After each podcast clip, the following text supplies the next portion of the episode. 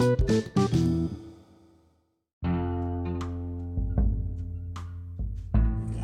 Assalamualaikum Sista Kembali lagi di podcast kita Fransista Podcast. Bersama Metaria. Dan Naima. Ya, Selamat datang di My Depression Convention Part 2 Part 2 Maaf ya kita bagi dua walaupun part satunya juga panjang banget. Tapi di part 2 ini kita mau ngomongin tentang respon teman-teman yang udah masuk di IG story kita Met ya. Iya. Ada beberapa, nah kemarin aku bikin voting, polling di Instastory Mm-hmm. Itu tentang kalian pernah nggak sih ngerasa eh, depresi? Nah ternyata hasilnya cukup mencengangkan Karena dari polling yang masuk berapa yang ngevote kebetulan kan untuk kategori followers kita metnya dalam dalam rentang umur generasi Y dan Z ya bukan generasi milenial ya jadi berarti tentang usia 20-an dan 30-an lah ya. Ya 25-an ke atas lah kurang lebihnya seperti itu. Nah hasilnya cukup mencengangkan karena karena 80% itu bilang bahwa mereka merasa depresi. Atau kalau disingkatnya berapa perbandingannya Met? 7 banding 1 yaitu tujuh orang Yaitu eh, dari tujuh orang hanya ada satu orang yang tidak, tidak merasa, merasa depresi. Ini cukup mencengangkan ya artinya kalau ada tujuh orang itu kita bisa pastikan untuk generasi Y dan Z yang usianya 20-an dan 30-an uh, usia dewasa ya berarti dewasa awal dari tujuh orang itu hanya ada satu yang tidak merasa depresi which is artinya cuma enam eh bukan cuma enam artinya enam orang pasti merasa depresi dan satu saja yang secara kejiwaan mereka merasa tidak ada masalah. aja. ya fine fine aja dalam hidupnya. Nah eh, menurut kamu gimana Matt? Kita komentar ini dulu.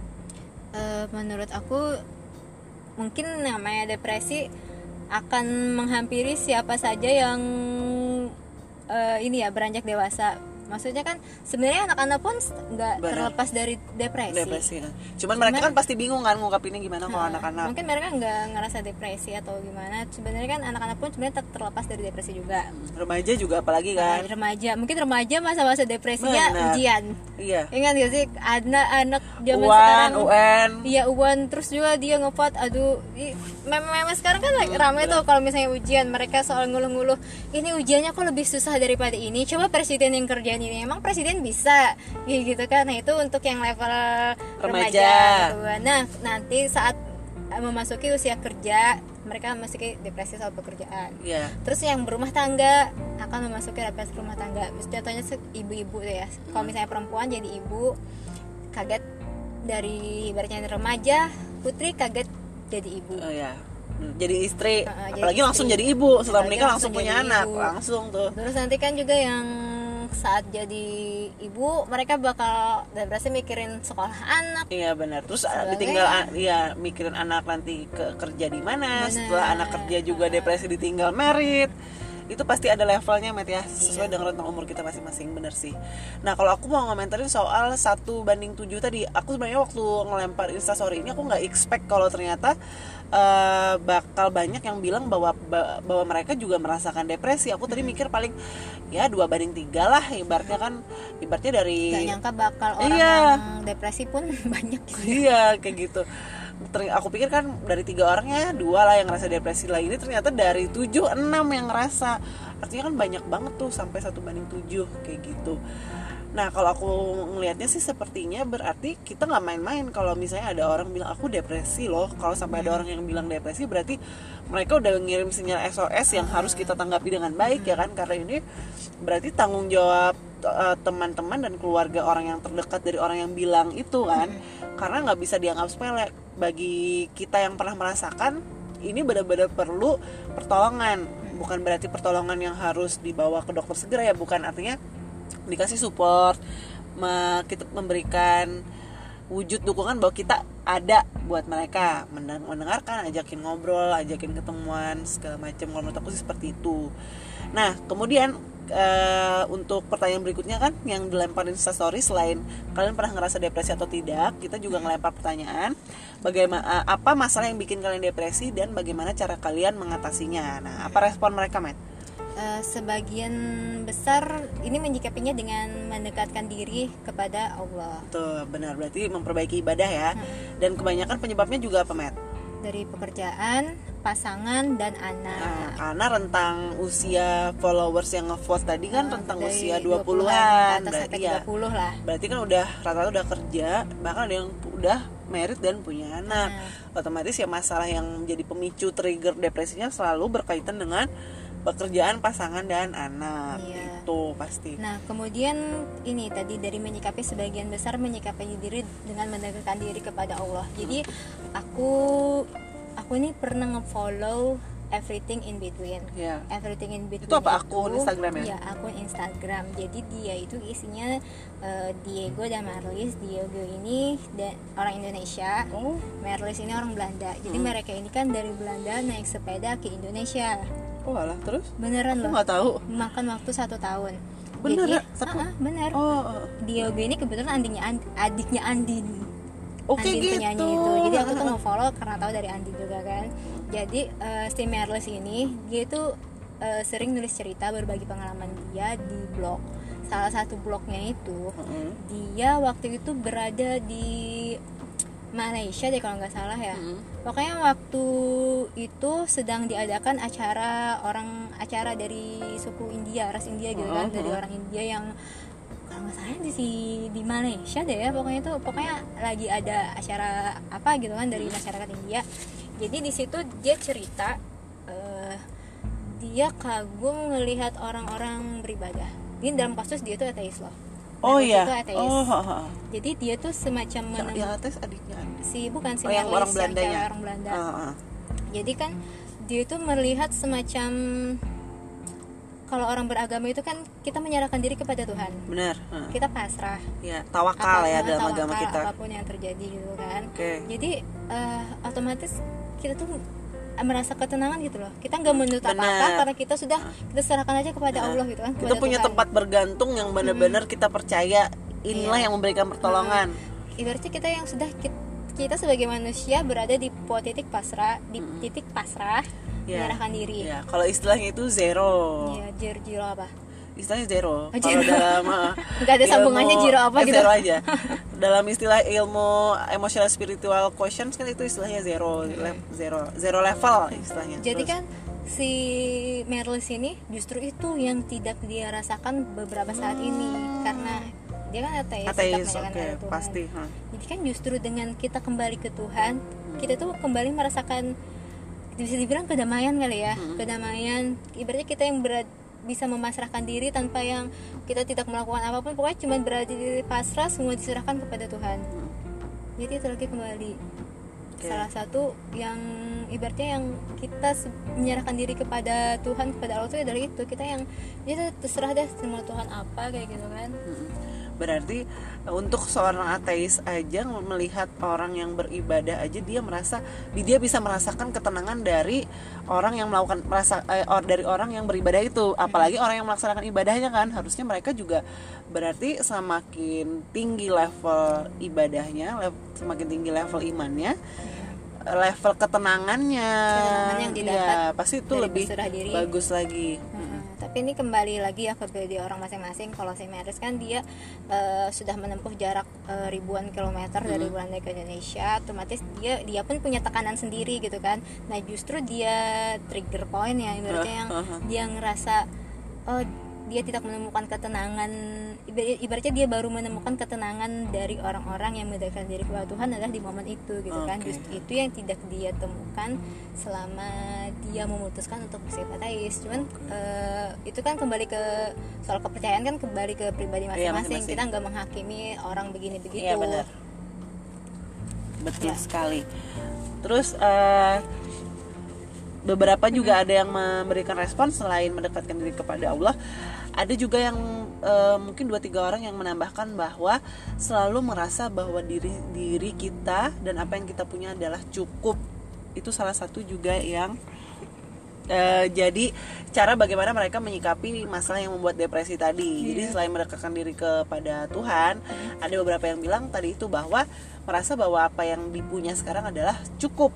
Entah itu anak, entah itu pasangan, entah itu harta. Artinya yang dimiliki sekarang itu adalah yang cukup. Karena cukup berarti ya itulah yang disyukuri. Iya. Kata itu salah satu cara yang membuat mereka bisa healing dengan depresi yang mereka miliki. Itu sih Matt. Sama berarti ya dengan poin yang kita bilang di part satu tadi kan ya. Merasa eh jangan membandingkan diri dengan yang lain. Kemudian juga tadi mendekatkan diri ke Tuhan. Ada tambahan nggak Matt? Nih aku bukain ya eh, instastory yang kemarin. Karena ada beberapa juga yang masuk. Dan sebenarnya aku sih kemarin ada baca artikel juga. Gejala depresi pun sebenarnya bukan sesuatu yang kayaknya buruk nggak selalu buruk loh Iya. hmm. kadang ada ya itu tadi kadang depresi itu justru sesuatu yang kita nggak nyangka-nyangka datangnya tuh kapan benar. Nah, jadi kalau misalnya orang di sekitar kita eh, tiba-tiba mengalami perubahan yang menurut kita nggak masuk akal deh perubahannya gitu-gitu sebenarnya jangan jangan diabaikan. dan jangan disepelekan Bener, karena menurut kita sepele, bagi orang lain itu bisa jadi sesuatu hal yang besar. Pertolongan yang bagi kita itu kecil, itu bisa dianggap orang sangat besar dan berarti karena ketika momennya pas, itu bisa dianggap pertolongan yang ini banget buat mereka. Nah dari beberapa komen yang masuk, nah ini ada yang bilang yang bikin depresi itu anak ketika anak sakit sampai masuk rumah sakit hanya gara-gara ibunya sibuk kerja. Kemudian yang bikin depresi juga adalah anak, pasangan, kantor. Cara healingnya adalah dengan berdamai dengan diri sendiri. Ada juga yang komen punya newborn jauh dari orang tua dan mertua luar biasa sekali ketika harus menghadapi hal seperti itu. Tuh. Kemudian juga ada yang bilang depresi ketika dihianati oleh orang yang aku percaya. Cara aku healing adalah introspeksi kepa- introspeksi ke diri sendiri, mohon ampun ke Allah dan lihat muka anak-anak gitu. Terus juga ada yang bilang depresi itu ketika harus keguguran untuk kedua kalinya. Caranya hanyalah berserah kepada Allah. Berasa nggak sih kan kita udah expect kan mau punya anak lagi tapi ternyata gagal karena memang belum waktunya untuk dikasih. Dan itu pasti sih orang kan mungkin udah berapa bulan gitu kan nggak tahu bahwa ternyata kita udah keguguran. Siapa pun kamu di luar sana yang merasakan seperti itu jangan sedih. Kita sebagai sama wanita harus saling menguatkan ya itu kemudian juga ada yang bilang kadang merasa depresi ketika kita merasa tidak dihargai entah itu usaha apa pun perbuatan apa pun. Caranya adalah pasrah saja.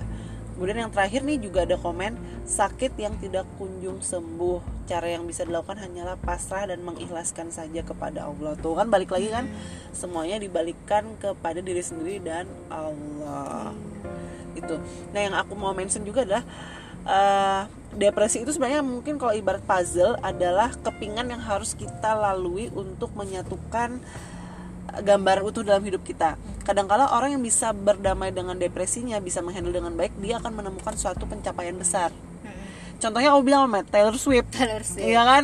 Dia beberapa kali depresi, dia malah bisa melewati itu dan bikin lagu ataupun desain konsep album dan semuanya meledak kan. Nah, kalau dari aku sih eh, nggak ada sih berita yang benar-benar menyebutkan dia depresi. Cuman kita sama eh, saya sih gitu iya ya. sama, tau lah ya kisah hidup dia Oh, gimana. ibaratnya, eh, beberapa dari kejadian yang pernah dia alami kayak dia kan pernah menang award terus Iya. sama Kanye West dibilang dia nggak pantas di panggung Betul, di panggung lagi. gitu kan terus juga yang banget, sumpah. suara dia direkam secara diam-diam Iya. terus dijadikan lagu sama Kanye West uh-uh. terus juga dia yang dikatain sama orang-orang adalah ular Benar. nah tapi nih ya Malah dibikinin konsep album baru. Nah, aku itu justru dap justru kagum kagum ya ibaratnya yang justru eh, respect sama dia itu Benar. adalah cara dia menyikapi sadar nggak sih dia tuh nggak pernah memberikan statement balasan terhadap Kanye Sama West. sekali nggak, benar. Nggak pernah memberikan statement balasan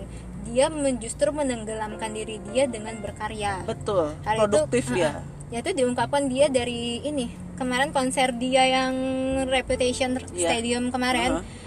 Nyangka nggak sih kalau bakal ada ular Enggak, ular raksasa dia bener. itu dibawa si Karen itu dibawa ke panggung malah ibaratnya ya ternyata lo, lo, lo semua ngomongin gue ular nih gue bawain ular gitu kan ibaratnya Bener. eh, terus dia Wah, dia dia tuh nggak nggak sibuk nggak sibuk membela diri nggak sibuk ngasih statement balasan Benar. Eh, mungkin kalau ibaratnya orang biasa itu nggak nggak sibuk bagi-bagi cerita di IG story Klarifikasi apa apa ya. gitu kan ya. Nyampah. Eh, nyampah di story. Makanya Instagramnya dia juga follow followingnya nol kan.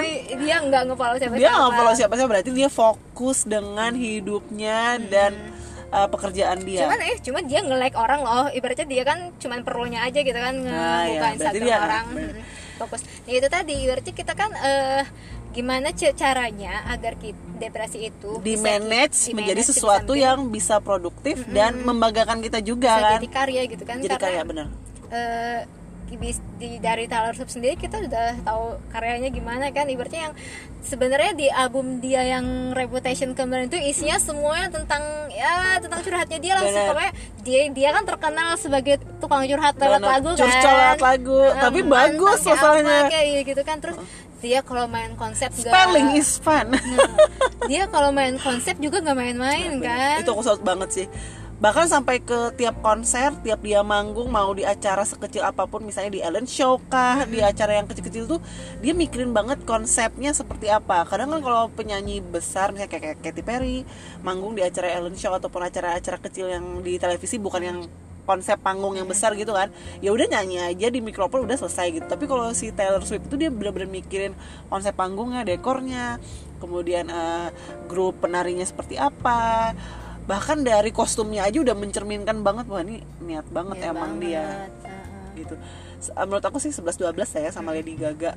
Sama juga eh sorry kembali lagi ke Taylor Swift. Sama juga dia dealing dengan masalah-masalah dia di masa Benar, lalu. benar. dulu ingat banget dia pernah punya masalah sama Spotify. Ya sama Spotify. Terus dia kan narik album sampai berapa Yes, album uh. dia nggak nggak bisa diputar di Spotify sampai akhirnya dilepas gratis ke Spotify. Sampai dia kan banyak banget dapat dari Spotify. Orang-orang tuh pada ngejelekin dia loh saat itu ibaratnya itu tahun berapa Ih, ya aku nggak tahu ceritanya. Eh, lupa pokoknya sebelum Reputation. Pokoknya Oh, kita iya. nggak bakal nemu album dia yang sebelum Reputation. Di di Spotify, Tapi sekarang kan sudah ada Uh-huh. albumnya dari satu sampai sekarang. Jadi orang tuh pada nyelekin dia. Dia ini ingin memperkaya diri sendiri ya. Dia tuh udah kaya kan? Benar. sekarang dia nggak pengen eh, karya dia dinikmati secara gratis gitu kan. Dulu orang eh, pokoknya ah, itu tadi eh, kalau dia kan bintang besar pasti ada yang suka ada yang Benar, benci benar, ada yang iri dan Benar, sebagainya. cuman masalahnya yang aku kagum dari dia adalah dia bisa mengatasi semua itu lewat karya. Cukup berbicara lewat karya lakukan yang terbaik dan udah terima hasilnya aja gitu kan. Terbukti hasilnya orang-orang positif kan. Ya setidaknya dari pundi-pundi dolarnya dia Benar. semakin menjadi semakin menggunung gitu Bener, jadi miliarder di usia muda. Nah, makanya itu salah satu cara kita untuk menghealing depresi tadi. Makanya kita bikin podcast, Matt ya. Iya, Nah, ini adalah salah satu cara kita, salah, iya, salah satu cara kita untuk apa ya? eh, menjadikan depresi itu sebagai alat menghasilkan karya lah inilah karya kita kita nggak bisa bilang ini karya Karya yang berguna bagi orang tapi ini berguna bagi kita Matt ya itu salah satunya. Nah buat kalian hal-hal yang bisa kita garis bawahi adalah kalau kamu merasakan depresi di luar sana segeralah cari uh, orang. Cari orang ini bukan untuk uh, kamu harus ceritakan setiap masalahmu ke semua orang ya. Sorry batuk. batuk bu. Batuk batuk batuk iklan nih jadinya tapi ada dengan semakin kamu depresi kamu harus semakin membuka diri. Membuka diri ini bukan berarti kamu open up semua masalah kamu ke publik tapi kamu eh, lebih banyak senyum lebih banyak negur orang lebih banyak eh, merespon ketika diajak orang ngobrol. Dengan cara itu kamu bisa menghilangkan masalah dari otak kamu setidaknya otak teralihkan dari hal-hal yang membuat kamu merasa bad vibes. Jangan justru saat kamu depresi justru kamu mengurung diri itu Benar. no Bahaya, No, bahaya, no. bahaya. big no banget justru eh, kalau bisa ya keluar aja gitu kan kalau misalnya kamu kerja ya kerjalah seperti biasa terus kalau misalnya punya jadwal bertemu dengan teman atau Tetep, relasi eh, tetap jangan membatasi diri, bener, Mel. jangan kamu mengurung diri karena semakin kamu merasa sunyi saat depresi justru sema, semakin pikiran aneh-aneh makin sering pikirannya aneh-aneh Bener. atau kalau mau nggak kalau atau kalau mau break sama sekali dari kehidupan yang mending kamu pergi liburan aja sama orang yang benar-benar disayangi. Jadi itu benar-benar pengalihan yang ampuh. Salah satunya juga adalah dengan liburan. Nah terus juga tadi kita udah ngasih salah satu contoh kan Meta tadi udah ngasih eh, sosok figur kita si Taylor Swift salah satu yang bisa mengelola bad vibes di sekitar banyak dia. sih, Nah, ba- jadi banyak sih yang ibaratnya artis-artis searching aja di internet artis depresi pasti Benar. banyak banget keluar. Tapi artis depresi yang juga berujung bunuh diri juga banyak kan. Nah artinya apa? Banyak orang yang bisa berdamai dengan depresi dan akhirnya menghasilkan karya dan ada juga orang yang banyak depresi tapi akhirnya berujung berujung pada hal-hal negatif. Nah silakan kendali ada di tangan kamu kamu bisa putuskan. Tujuan kita bikin podcast ini adalah supaya kalian punya uh, pemikiran yang lebih tentang depresi bahwa banyak orang ngomong depresi depresi tapi diketawain kamu salah. Kita sekarang punya datanya bahwa ternyata tujuh dari tujuh orang enam orang itu mengaku merasa depresi. Jadi kalau ada orang yang bilang depresi jangan disepelekan. Iya. bisa jadi bagi kamu itu masalah sepele bagi orang tersebut itu masalah besar dan mereka nggak bisa ngehandle. Karena sebenarnya gak ada orang yang pengen depresi. Bener siapa juga yang mau Ibarat, depresi? ibaratnya ya stigma orang pun kalau depresi ini ya masih cenderung buruk gitu kan. Iya, jadi benar. ibaratnya mana ada orang yang pengen dilihat buruk. Bener. Ngapain juga kita ngomong-ngomong depresi iya aku Ya, depresi loh apa yang membanggakan dari itu? Kan gak ada. Bukan prestasi ya. Bukan prestasi. Bener sekali. Ada lagi yang mau ditambahin Matt?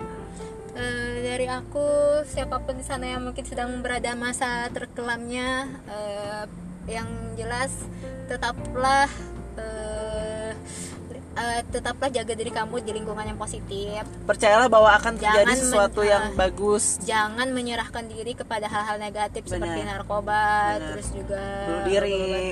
ataupun eh, tiba-tiba berteman dengan orang yang ah mereka bisa bawa ke happy happy tapi justru menjuruskan kamu menjerumuskan kamu ke hal-hal yang negatif jadi tetaplah keliling tetap kelilingi diri kamu dengan orang-orang positif ya atau kalau kamu memang misalnya punya eh, misalnya kan ada beberapa orang yang memang introvert kan Matt nggak Iya. punya banyak teman. Tapi kamu punya keluarga. Nah dekatkanlah diri kamu ke keluarga ya saudara orang tua kamu. Mungkin kamu punya orang tua yang selama ini kamu jarang ajak ngobrol.